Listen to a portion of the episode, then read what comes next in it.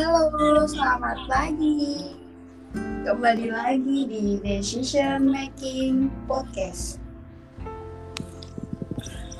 Waduh, Cit, kok kamu semangat banget sih?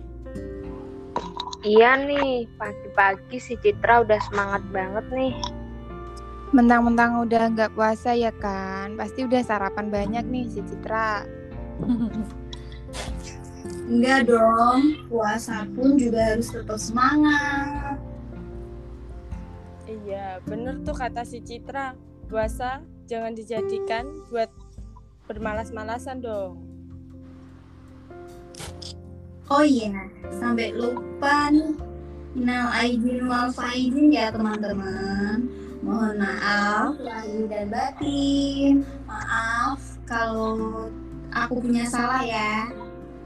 Iya Cit, sama-sama. Kosong sama kosong ya teman-teman. Udah tak maafin semua. Iya, sama-sama. Apa kabar nih kalian semua? Baik-baik kan? Alhamdulillah. Alhamdulillah. Alhamdulillah, Cit. Sehat. Baik. Wah, alhamdulillah baik semua.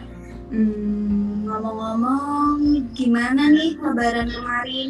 Pada mudik nggak? Enggak dong. Kita kan sebagai warga negara yang baik, enggak mudik mena- menaati peraturan pemerintah. Lagian rumah saudara-saudara juga deket, jadi enggak mudik. Satu Iya, kota sama gitu sih. loh. Aku juga iya. Di rumah terus. Ngapain mudik? Di rumah terus Iya. makan opor ya? Iya dong. Gendutan nih. Siapa yang gendutan?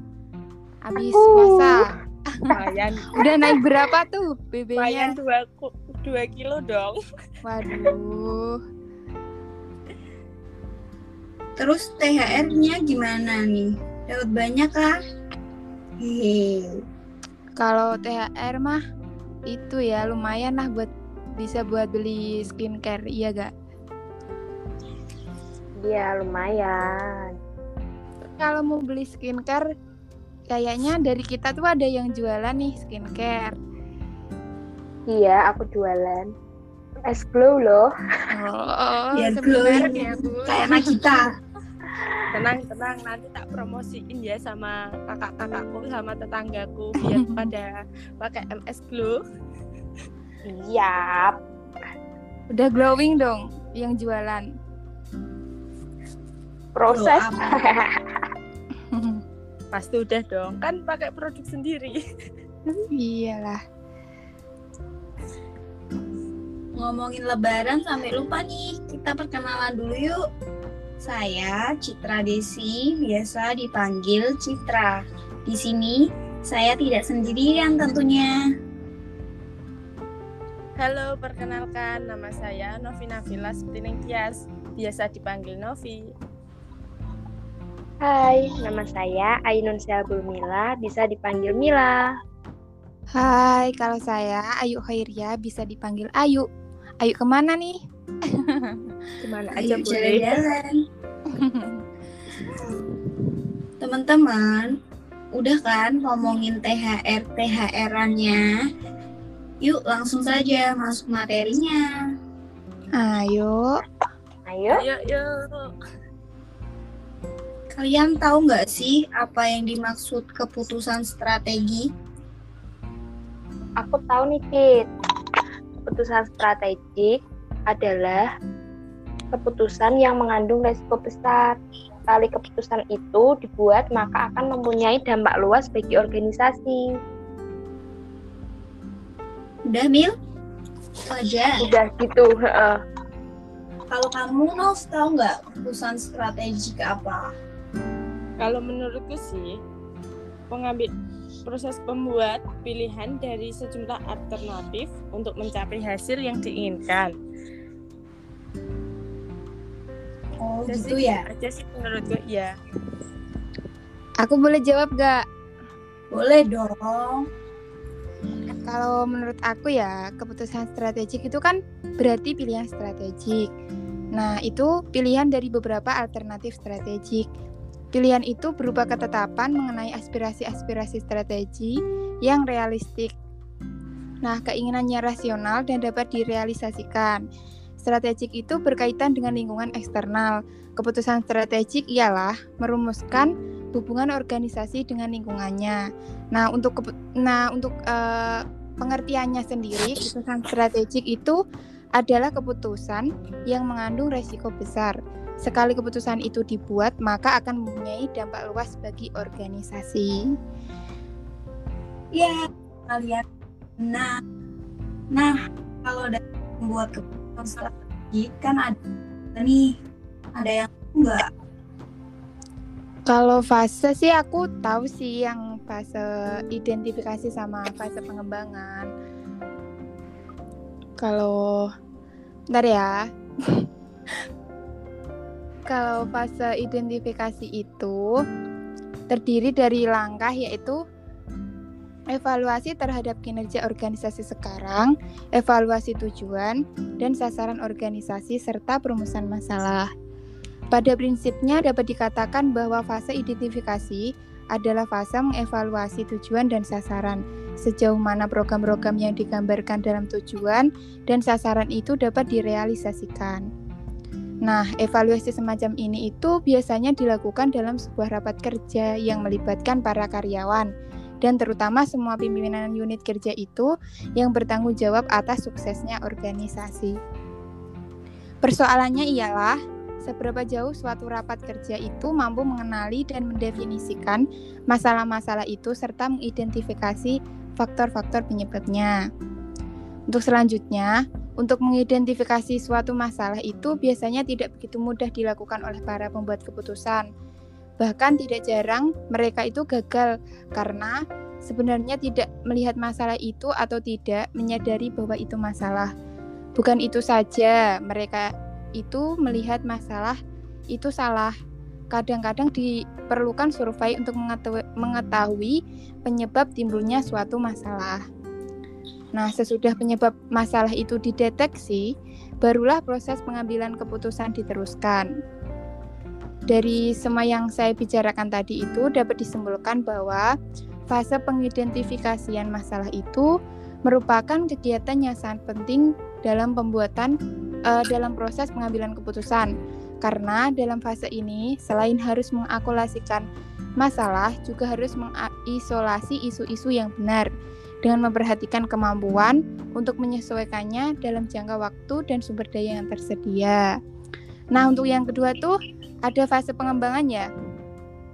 Iya. Untuk fase pengembangan itu, setelah masalah dirumuskan dengan baik dan diketahui faktor-faktor penyebabnya, kita masuk pada fase pengembangan. Nah, di fase ini itu merupakan fase yang paling banyak menguras sumber daya, baik berupa tenaga, waktu, pikiran, dan juga dana.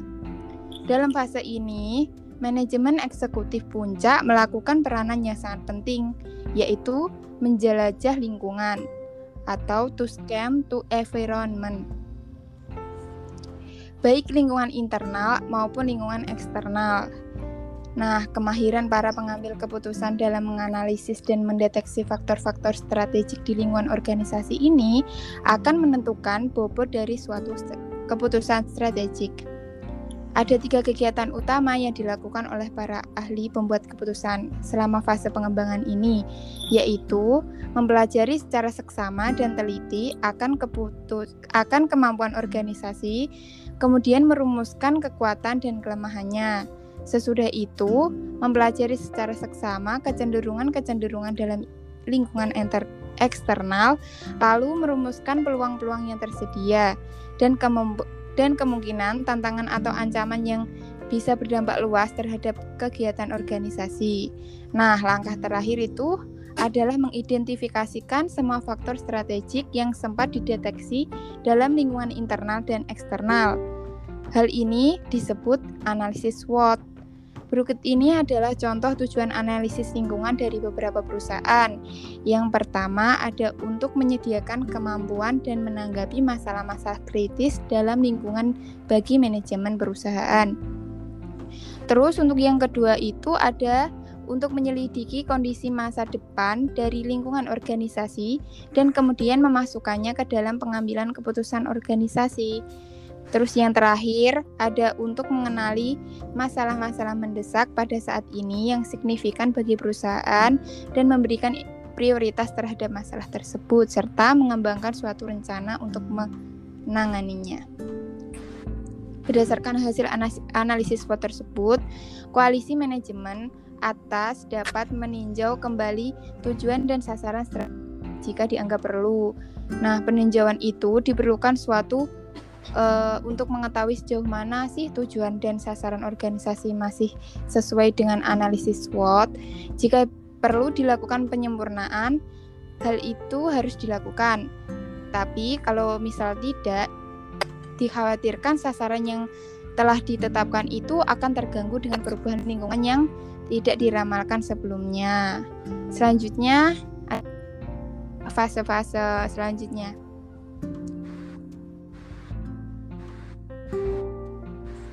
Lah, kok pada diem? Iya nih, Mil kamu tau nggak? Siapa yang mau lanjutin fase ketiga sama Aku. keempat? Mila, silakan Mila. Iya yuk. Yang ketiga ada fase penyelesaian, meliputi peninjauan ulang tujuan dan sasaran jika dianggap perlu, perumusan alternatif-alternatif strategik, penetapan alternatif terpilih berdasar prioritas, dan pengesahan atas alternatif terpilih.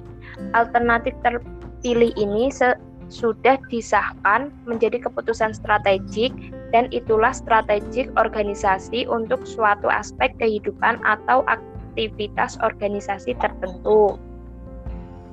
Yang keempat, ada fase implementasi dan evaluasi yaitu terdiri dari dua langkah, implementasi keputusan strategik dan evaluasi dan kontrol. Fase implementasi dan evaluasi adalah fase terakhir dalam proses pengambilan keputusan strategik. Fase ini merupakan bagian terpenting dalam proses manajemen strategik.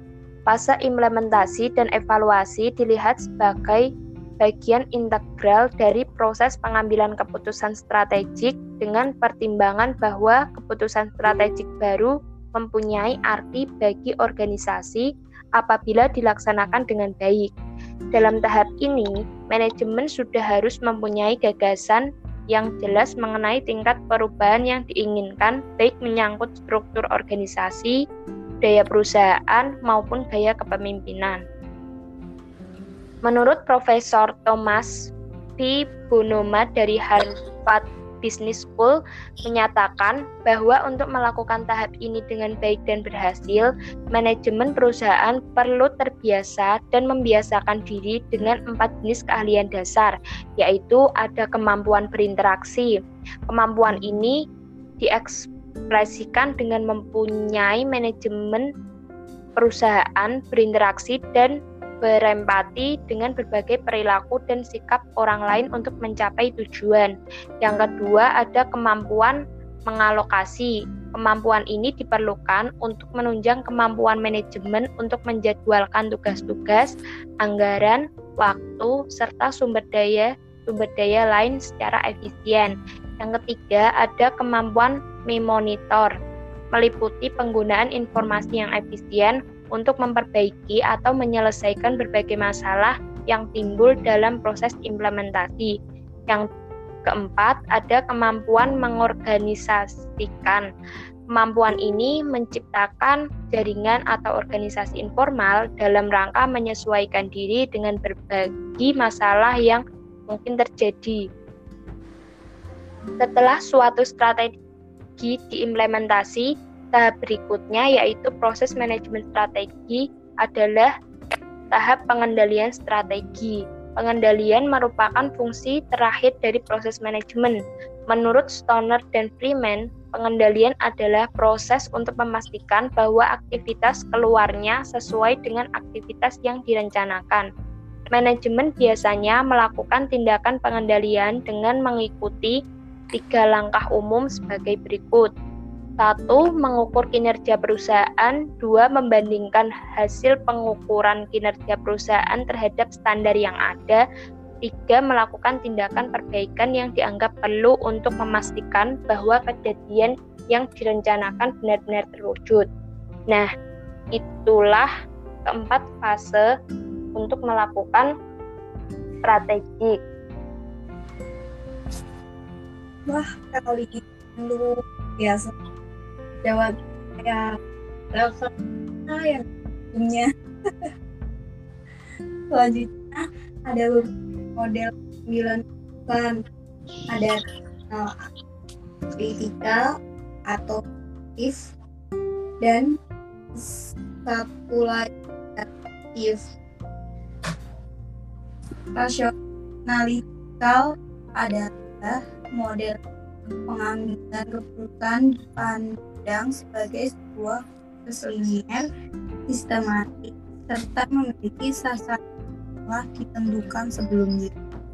Pengambilan keputusan akan mencoba untuk menganalisis kondisi eksternal dan internal organisasi dan mencari berbagai kesempatan untuk menyelesaikan permasalahan. Yang kedua ada if eksternal kontrol anti dalam deterministik ini putusan yang diakibatkan puncak oleh eksternal.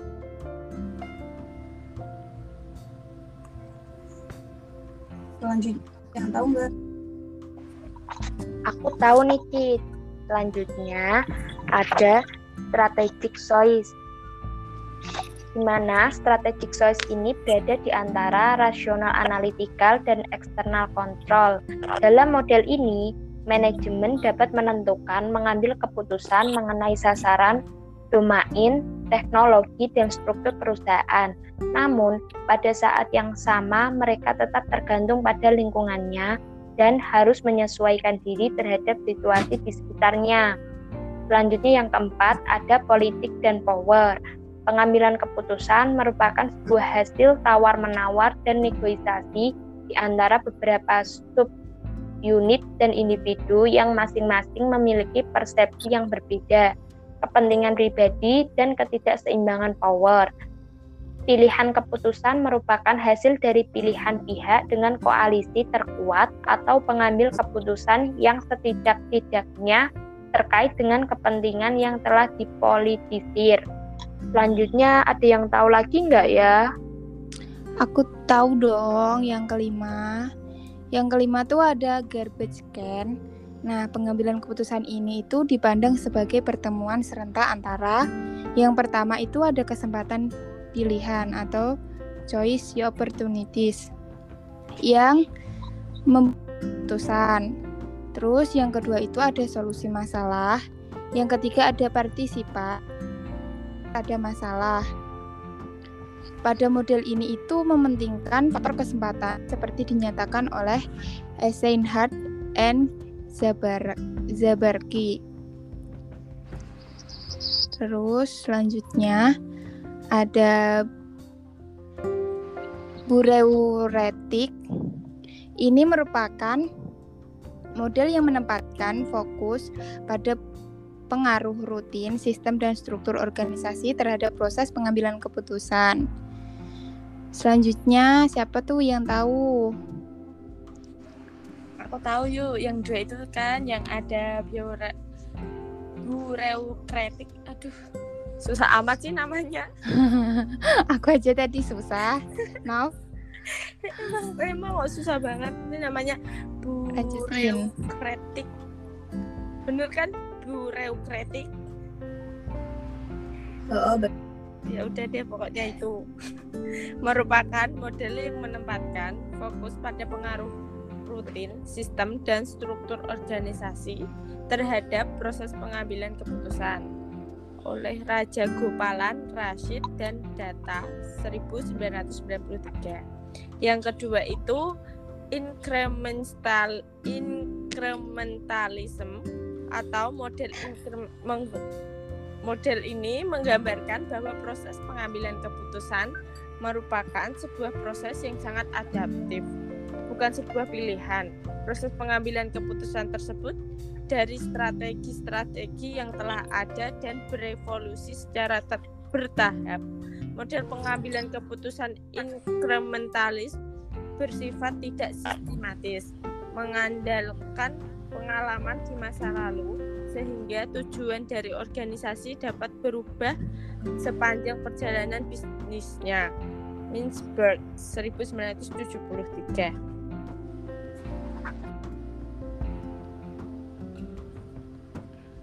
Udah kok.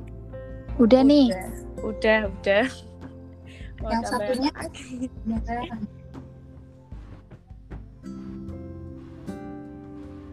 Halo. Oh, Masih ada gak Cip? yang incrementalism Udah udah. dong tadi itu tak bacakan. Oh, mungkin aku kurang. Kurang aku kurang. Fokus nih. Jangan-jangan kurang fokus nih, Citra. ketinggalan. Ya lagi blank nih. Citra blank terus nih. Kurang Mil. Kurang ketemu ya pasti. Bener. Wah, LDR nih Citra. Kan kita udah lama nggak ketemu. Kuliah nggak berangkat-berangkat ya kan? Iya nih, lama bener. Kapan sih kita masuk? Ya kapan sih? Tapi enakan gini ya. Menurut aku enakan gini sih daring. Udah Kok terlanjur nyaman kok. Iya betul itu Novi. Tim-tim mager. Tugasnya banyak banget. Ya nggak Bener, bener banget. Enak sih ada enggak. Gimana yuk? Ngerjain tugas tuh sampai kewalahan, padahal hati tuh masih pengen rebahan gitu. Uh, Kita kan tim rebahan. enak ya rebahan dulu. Lah emang kamu enggak? Enggak. Terus Ngapain Cip? Kerja cari dong. cuan. Cari Oh, cuan. mencari cuan. Iya. Cuan-cuan ya, Bun. Buat modal. Model nikah. Belum Betul. dong. Belum ada calonnya ya kan? Songong amat.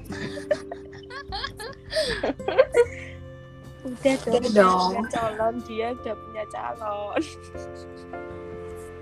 Kalau aku sih ban orang tua. Oke.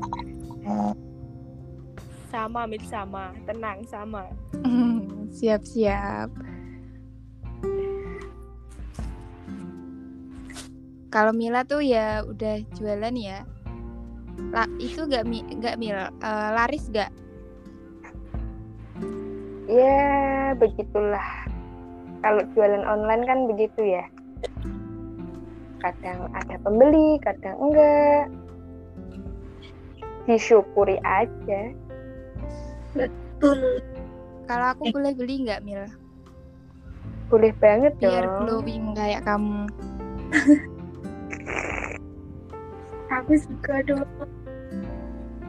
Yang penting jangan harga teman ya, Mil ya. Tetap harga teman dong. Tapi yang terpenting tuh glowingin hati baru muka gitu kan? Gayanya sosokan. Glowing dari dalam, Bun. glowing, glowing luar dalam.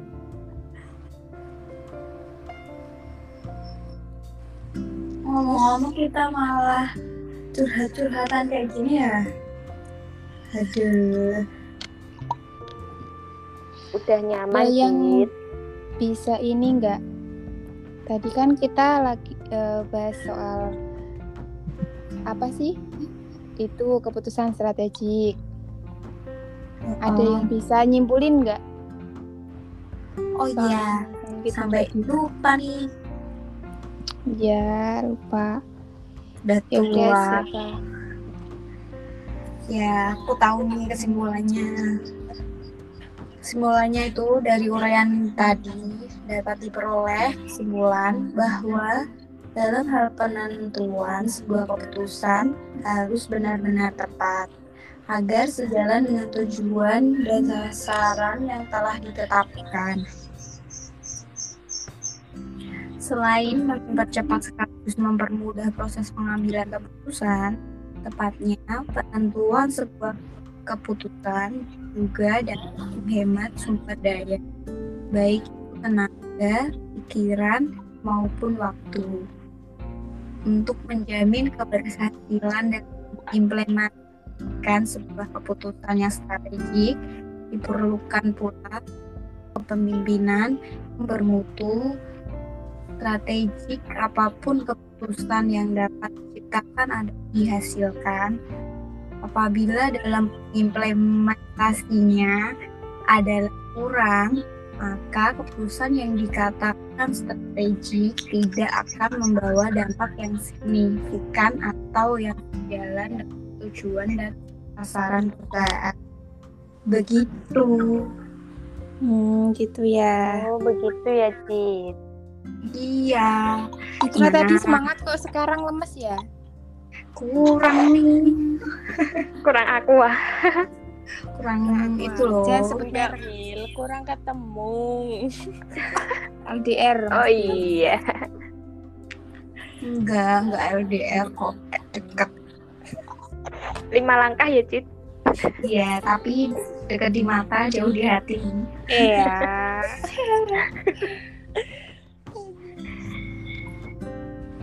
Udah ah ngomongin itu mulu. Gimana nih? Ada yang mau nambahin nggak?